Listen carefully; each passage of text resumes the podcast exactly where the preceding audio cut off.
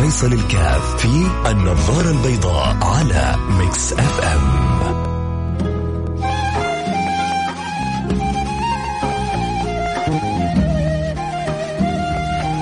بسم الله الرحمن الرحيم. الحمد لله والصلاة والسلام على رسول الله وعلى آله وصحبه ومن والاه. حياكم الله أحبتي في برنامجكم النظارة البيضاء. اليوم حتكلم عن أمر مهم بالنسبة للكل. كل واحد فينا يسعد ويفرح إذا كان هذا الأمر منتشر في المجتمع لأنه كلنا المستفيدين.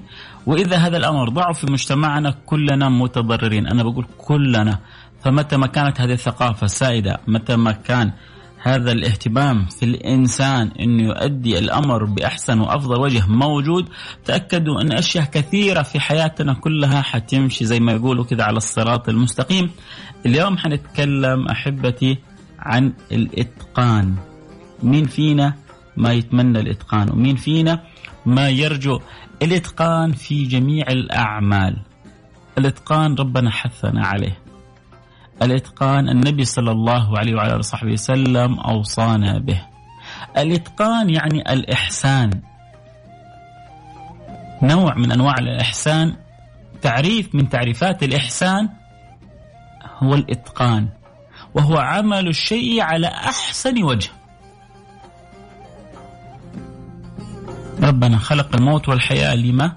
الذي خلق الموت والحياة ليبلوكم أيكم أحسن عملا. النبي صلى الله عليه وصحبه وسلم شوف ربنا لما خلق السماوات العلى والأرض خلقها بإتقان وبإحكام. الذي أحسن كل شيء خلقه. ربنا في كل شيء خلق خلقه بإحسان وبإتقان. كتاب أحكمت آياته ثم فصلت من لدن حكيم خبير. شوفوا أنتم الشمس وشوفوا القمر وشوفوا سبحان الله تواليهم. لا الشمس ينبغي لها أن تدرك القمر ولا الليل سابق النهار وكل في فلك يسبحون. إيش هذا؟ هذا صنع الله. صنع الله الذي أتقن كل شيء إنه خبير بما تفعلون. وترى الجبال تحسبها جامدة وهي تمر مر السحاب. صنع الله. صنع الله الذي أتقن كل شيء. إنه خبير بما تفعلون. الذي أتقن كل شيء. كل شيء ربنا خلقه بإتقان. وكل شيء الله أوجده بإحسان. إحنا ينبغي أن نعيش المعنى هذا. الله سبحانه وتعالى حتى أنت خلقك. لقد خلقنا الإنسان في أحسن تقويم يا سلام. ما أجمل لو, لو الواحد بس جلس يفكر في طريقة خلق الله له ربما يستصعب هو يشوفها في نفسه لكن شوفها في مولودك اللي كان نطفة ثم صار علقة ثم بعد ذلك صار صار مضغة ثم علقة ثم بعد ذلك تكون هذا التكوين. كان نطفة ثم نفخت فيه الروح ثم خرج وتحول إلى جسد وروح. تقدر تشوفها في ولدك تقدر تشوفيها في بنتك. تعرفي وتعيشي بمعنى لقد خلقنا الإنسان في أحسن تقويم. اليوم موضوعنا عن الإتقان أنا متأكد أنه كلنا محتاجينه. حنتكلم عن الإتقان من جوانب مهمة. يا ريت بس ننوي إنه كل واحد طالما إحنا نبغى المجتمع كله يكون متقن عشان يكون المجتمع متقن أول حاجة ينبغي أن أبحث عن الإتقان في أنا. ينبغي أن أكون أنا مجود ومتقن لعملي عشان أتمنى الآخرين يكونوا متقنين. أما بعضنا يتمنى الآخرين متقنين ويمكن يتفلسف عن الإتقان وهو أبعد ما يكون عن الإتقان. الإتقان أن يعمل الإنسان العمل على أحسن وجه. خلوكم أحبتي معي تأملوا وتفكروا وشوفوا قد إيش المجتمعات حتعيش رائعة عندما نعيش فكرة الإتقان.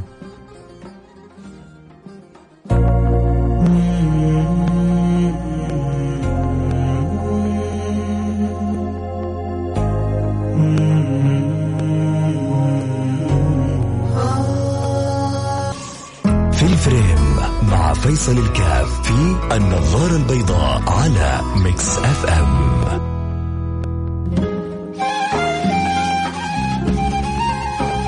حياكم الله أحبتي بنتحدث وبنتكلم عن أمر الإتقان وأمر جدا مهم. ليه؟ لأنه الواحد لو بنى بيته واشترى البيت ودفعت فيه دم قلبك وبعدين اللي بنى لك البيت ما هو متقن ولا هو مخلص السباكة حتضرب عليك والكهرباء حتبهدلك والبلاط بعدين ينقط عليك أو يطلع من مكانه. حالة حتعيشها من الهم والغم السبب إنه اللي اشتريت منه ما هو مخلص أو ما هو متقن. كذلك هذا في شرائك مثلا للبيت. أخذت سيارة من واحد ما كان يراعيها بحق المراعاة. حتتبهدل معها وتخسر خسائر لا يعلم بها إلا الله. واحد أعطاك معاملة وما أتقنها. ما أدى عمله بما يرضي الله سبحانه وتعالى. تيجي بعدين تروح للمكان الثاني تسلم المعاملة يقول لك ناقص الورقة الفلانية. ناقص التوقيع الفلاني. تنزعج تقول هذا الله يسامحه ليش سوى فيا كذا؟ ليش ما أدى عمله بطريقة صحيحة؟ ليش ما أتقن في عمله؟ ليش ما أدى عمله بأحسن وجه؟ ليش ما تابع الأمر؟ ما قلنا إحنا الإتقان أن يؤدي الإنسان عمله على أحسن وأكمل وجه. طيب هو لما أعطاني المعاملة هذه ليش ما تأكد أنه المعلومات كلها كاملة؟ ليش يخليني أتعب وأتبهدل كلنا أحبتي بندور حول الإتقان. متى ما وجد الإتقان في مجتمع زي هي زي الطاحونة كذا. تمشي كل الأمور سليمة. ومتى ما كانت في أجزاء لا تبحث عن الإتقان لا تبحث عن التسلسل المنطقي في العمل فدائما الأمور حتحصلها يعني معكرة. مثل أحيانا بعض الطرق عندنا تحصل ويترصف. بعدين تجيك شركة الكهرباء بعدين تجيك يترصف مرة ثانية بعدين تجي شركة الهاتف. تشعر تقول إيش قصتهم؟ تحصل أحيانا الشارع مرتين ثلاثة ينعاد عليه بالرصيف وبالاسفلت طيب هذا ما هو مال؟ أليس هذا يعني الدولة أحق بهذا المال؟ أليس, أليس عندنا شوارع أخرى أحق بهذا المال؟ ما نتهم أحد ولكن هو عدم التنسيق عدم التكامل عدم وجود أحيانا الإتقان في العمل يخلي بعض هذه الأمور تسير بهذه الطريقة. وفي الأخير كلنا متضررين من الإتقان. إن كان في حياتنا إذا ما وجد في المجتمع الإتقان الضرر من الفقير إلى الوزير والأمير من الصغير إلى الدولة بكلها كلنا. ومتى ما وجدت عندنا وجد عندنا الإتقان بشكله الحقيقي والصحيح الدولة مستفيدة من أعلى الهرم إلين أصغر واحد فينا فهي ثقافة ينبغي أن تشيع بيننا. وهو أمر ينبغي أن يسود بيننا خصوصا النبي صلى الله عليه وسلم فتح لنا باب تشويقي للإتقان. وصية وتوجيه. وفوقه تأخذ جائزة كبيرة. النبي صلى الله عليه وسلم يقول إن الله يحب إذا عمل أحدكم عملا أن يتقنه. اذا المطلوب من رسالة النبي لنا أن نتقن أعمالنا. طالما أنت رضيت أنك تمسك مهمة أن تتقنها. يعني لما مثلا واحد يأخذ مخطط وبعدين يقطعوا أراضي ويبيعوا. وهو ما سوى فيه لا صرف صحي أو ما سوى الكهرباء بالشكل المطلوب. هذا ما أتقن عمله. أو ما في شبكة مياه. ما أتقن عمله. طب أنت وزعت الأراضي هذه على أي أساس؟ فين باقي الخدمات؟ هذا الإتقان يا جماعة ينبغي أن يكون في كل جزء من أجزاء حياتنا.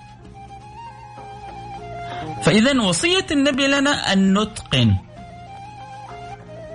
مع الوصية هذه في لطيفة في الحديث. إنه لما تتقن أنت حيحبك رب العالمين. وهذه عند الأذكياء كفيلة. أن تجعلهم دائما يبحثون عن الإتقان. الذكي من بحث عن الإتقان لأنه بيفتح له باب رضا الملك العلام الحق سبحانه وتعالى. فانت بتأدي وظيفتك بما يرضي الله بتأكل لقمتك من عرق جبينك بما يرضي الله وفوقها بتفوز بحب من الله. إن الله يحب. لك حق أن تعيش معنى الإتقان لك حق أن تعيش معنى الإحسان. لو لم يكن في الإتقان والإحسان إلا أن تنال رضا الملك الديان الحق سبحانه وتعالى وتفوز بمحبته لكفى أن تعيش حياتك كلها على الإحسان والإتقان. فكيف؟ أنه أنت أصلا محتاج إلى هذه الثقافة عشان أمور كثيرة أنت في حياتك. فعشان تبغاه في كل المجتمعات لازم تبدأ تفكر فيها في نفسك أحبتي الإتقان. سنة نبوية ثقافة مجتمعية حاجة اضطرارية لكل عاقل.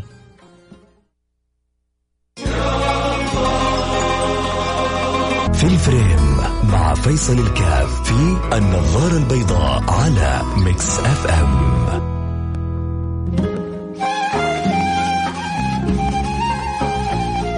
ما زال الحديث متواصل عن الإتقان وكيف إن الإنسان ينبغي أن يكون متقن في عمله. لما نقول متقن في عمله ورأيت كثير يتكلمون عن الإتقان دائما ما يختلط هذا الأمر بالأمور الحياتية، الإتقان عندنا في شقين أحبتي. الإتقان ينبغي أن يكون في صلة الإنسان بربه وحقول لكم كيف وكذلك في صلة الإنسان بمجتمعه ما ينبغي أن نجزئ المسألة بعضنا ربما يتكلم عن الإتقان ويتكلم فقط عن الشق التعبدي. وبعضنا يتكلم عن الإتقان وكثير ما هو يتكلم عن الشق الحياتي. المؤمن يحتاج أنه يجمع ما بين الأمرين. أنك يكون عندك إتقان في عبادتك ويكون عندك إتقان في حياتك في معاملتك. إتقان اتقان في إيش؟ في صلاتي. النبي صلى الله عليه وسلم الرجل الذي كان يصلي أمامه ثم يقول له النبي ارجع فصلي فإنك لم تصلي حتى عنونوها الفقهاء بباب المسيء في صلاته. هو من حيث الظاهر يصلي يكبر ويركع ويسجد لكن النبي ما اعتبرها صلاة لأنه فاقدة لبعض أركانها فاقدة لبعض سننها وآدابها. فالنبي من حبه له يريد أن يصلي صلاة تكون مقبولة وتكون صلاة متقنة. فيقول له النبي ارجع.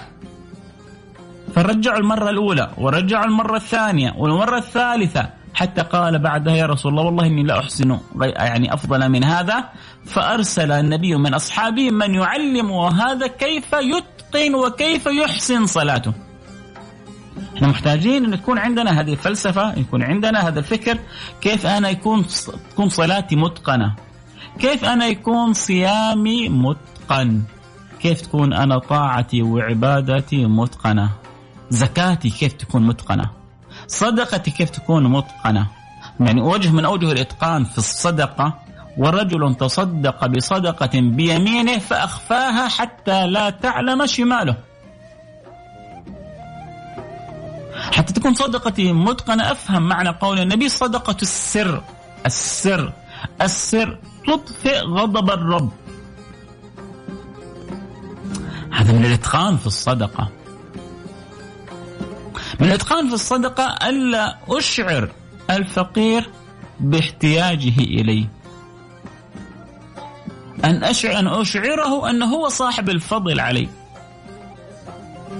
هو المتفضل علي إنه قبل صدقتي لأنه أنا لما هو قبل الصدقة إن شاء الله ربي حيغفر لي وربي حيرحمني. فكان هو السبب في المغفرة والرحمة أن قبل الصدقه مني. فهو صاحب الفضل علي مش أنا صاحب الفضل عليه. يا سلام على الإنسان لما يعيش هذه المعاني أحبتي. يا سلام على الإنسان لما يبحث يبحث عن حقيقة الإتقان. فقلنا إذا ينبغي أن يكون الإنسان له إتقان في معاملة الرحيم الرحمن الحق سبحانه وتعالى. من الإتقان أن يجدني الله سبحانه وتعالى حيث أمرني. وأن يفتقدني حيث نهاني. المكان اللي يحبه ربي مش أنا عبده مش أنا مأمور بأمره. مش الله سبحانه وتعالى أمرنا بطاعته. مش نهانا عن معصيته. الإتقان كيف أحاول أن أكون بهذا الوجه؟ طبعا ربنا يقول واتقوا الله ما استطعتم. ما استطعتم لا علي بذل الجهد في محاولة أن أكون على الوجه الذي يرضي رب العالمين عني. بكذا أكون حاولت أن أتقن والله سبحانه وتعالى يريد مني في عملي في حياتي في عبادتي أن أبذل الوسع. قدر المستطاع ببذل الطاقة والباقي عند الله سبحانه وتعالى. كل واحد مننا ينوي من الآن. أني أحسن عبادتي كما أحسن معاملتي حتى أكون متقن على الوجه الذي يرضي عني رب العالمين. أنت تستمع إلى Mix FM مع فيصل الكاف في النظارة البيضاء على Mix FM حياكم الله أحبتي وما زال الحديث عن الإتقان. وذكرنا كيف انه الإتقان في المعاملة الربانية أمر جدا مهم وكذلك في المعاملة الحياتية، لكن أحيانا يجي الواحد يسأل نفسه طيب كيف أنا أصير متقن؟ في بعضهم خصوصا في المعاملة الحياتية ذكر بعض النقاط المهمة اللي تساعد الإنسان على الإتقان بشكل جدا قوي. أذكر لكم بعض النقاط على عجالة، أولها الاهتمام بالتفاصيل، فرق كبير بين الإنسان اللي يبني البيت ويهتم يعني أنت لما تبني البيت ما أنت عارف إيش ال... إيش إيش اللي في الأساس وايش إيش اللي يجعلك تعرف إن هذا البيت مميز أو لا؟ ال finishing التشطيب. فإذا كان رأيت التشطيب على مستوى جدا عالي في اهتمام بأدق التفاصيل تقول هذا البيت لا يعلى عليه. وإذا كان يعني الباني غير مهتم بالتفاصيل تقول الكتاب من عنوانه. إذا ما هو مهتم بالتفاصيل فكيف بالأشياء المخفية عني كيف أنا أقيمها؟ أنت تقيم بالشيء الظاهر. فكل ما اهتم بالتفاصيل كل ما كان العمل متقن. الذي يقدم معاملة عندما يهتم بالتفاصيل وتابع هنا التوقيع وهنا الشروط وهنا المتطلبات وهنا كذا وهنا كذا. تعرف كل ما اهتم بالتفاصيل كل ما كان عمله متقن وكل ما كان دائما يهتم بالإجمال كل ما كان عمله جدا جدا ضعيف. فالاهتمام بالتفاصيل يعتبر من أهم الأوجه اللي تساعد الإنسان على الإتقان في العمل. كذلك تجنب التساهل. وابتعد عن التفريط. أن التساهل يؤدي إلى التفريط والتفريط يؤدي إلى الفشل. بنجيب السباكة يلا بدل ما نجيب البحريني بنجيب مثلا الصيني. الصيني ربما ما يستحمل حرارة الجو عندنا. ما ما مشكلة خلاص يا فلان ما حد عارف ما حد داري. هذه خيانة وعدم إتقان. ممكن يقول لك أنا ركبت لك. نفس ال pipe. هو نفس ال pipe ونفس الماسورة. صحيح لكن في مواصفات في شروط فالتساهل دائما هو ضد الإتقان. ينبغي أن يكون هناك حرص. ينبغي أن يكون هناك ضبط. فإذا عشان أنا أكون متقن الحاجة الأولى أن أكون مهتم بالتفاصيل. الحاجة الثانية أني أكون بعيد عن التساهل. أكون عندي حسن متابعة يا جماعة. المتقن متابع. خذوها مني. خذوها من أخوكم فيصل. المتقن متابع. الذي لا يجيد فن المتابعة لا يجيد أو لا يعرف معنى الإتقان. الكلام التنظيري سهل. لكن بالذات في الأعمال الذي يتابع هو المتقن. فالأمر الأول التفاصيل. الأمر الثاني تجنب التساهل. طيب الأمر الثالث إيش؟ يعني قد يناسب بعض الأعمال وبعضها قد ما تحتاج. أحيانا بعض الأعمال تحتاج إلى تكرير. مثلا إنسان يحفظ سورة من القرآن. طب عشان يكون حفظي متقن فيها إيش لازم أسوي؟ لازم أكرر التسميع مرة واثنين وثلاثة وأربعة وخمسة وعشرة. مش عيب. بعض الشناقطة كان يخبرني يقول لي ما كان يعد الحافظ حافظ للقرآن عندهم حتى يمر على ثلاثين أربعين شيخ يسمع عليه القرآن بالكامل. فيقرأ عليه القرآن بالكامل عشان يعتبر هذا عندهم حافظ لكتاب الله. يروح عند الشيخ الأول ويقرأ القرآن ويأخذ منه توقيع أنه قرأ عليه القرآن كامل. ما يكفي. يروح عند الشيخ الثاني الثالث الرابع الخامس السادس السابع العاشر 15 20 25 الثلاثين. أو قرأ عند عدد من المشايخ. خلاص إذا هذا نقول عنه حافظ لكتاب الله. فالتكرار يعلم الشطار التكرار يثبت أحبتي. سيبوكم من الكلمة الثانية التكرار ما أدري إيش. الكلمة الغير لائقة لا لا. التكرار يثبت المعلومة أحبتي.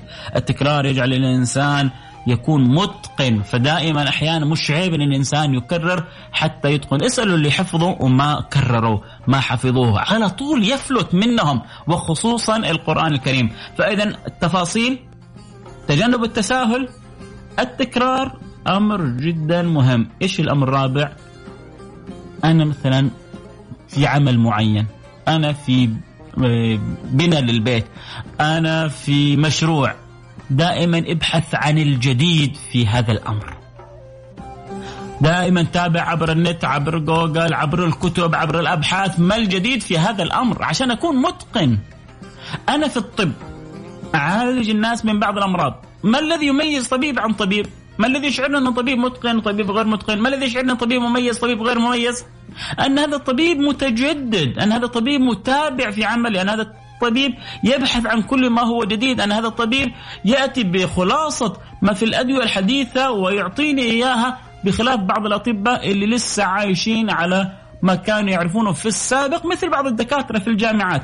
بعضهم ما يطور نفسه ولا يحاول أن يغير مستواه العلمي خلاص نكتفي بالشهادة وبالدال. وبعضهم لا يقف أبدا. الإمام أحمد بن حنبل كانوا يقولون له إلى متى وأنت مع هذه المحبرة؟ لمتى تكتب وتألف؟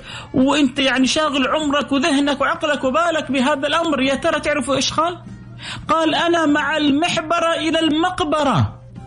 إلى أن أموت وأنا مع هذه المحبرة. هذا هو الإتقان. أن يبذل الإنسان الجهد والمستطاع في أداء العمل بالوجه الذي يسعى في إلى إرضاء الله سبحانه وتعالى. أسأل الله سبحانه وتعالى أن يعيننا وإياكم وأن يرزقني وإياكم حقيقة الإتقان. أول حاجة في معاملتي لرب العالمين ثم بعد ذلك في معاملة الحياتية ابتداء من نفسي مرورا بزوجتي أولادي أهلي أسرتي حي بلدي مجتمعي ناسي إلى أن أعامل الناس. بل أن أصل في الإتقان حتى لمعاملة الجماد والحيوان فما أجمل هذا الدين الذي علمنا كيف حتى أن نتقن في ذبح الشاة فلا نؤذيها ولا نزعجها حتى نريحها في ذبحتها. قال النبي المصطفى إذا أراد أن حدكم فليذبح فليحد آه، شفرته وليرح ذبيحته. خلي الشفرة حادة السكينة حادة عشان ما تتعب الذبيحة في ذبحها. تجي القطعة مرة واحدة وينزل الدم فما تتعبها مرتين. أسأل الله سبحانه وتعالى أن يقبلنا وإياكم على ما فينا ويرحمنا برحمته الواسعة. اللهم آمين يا رب العالمين.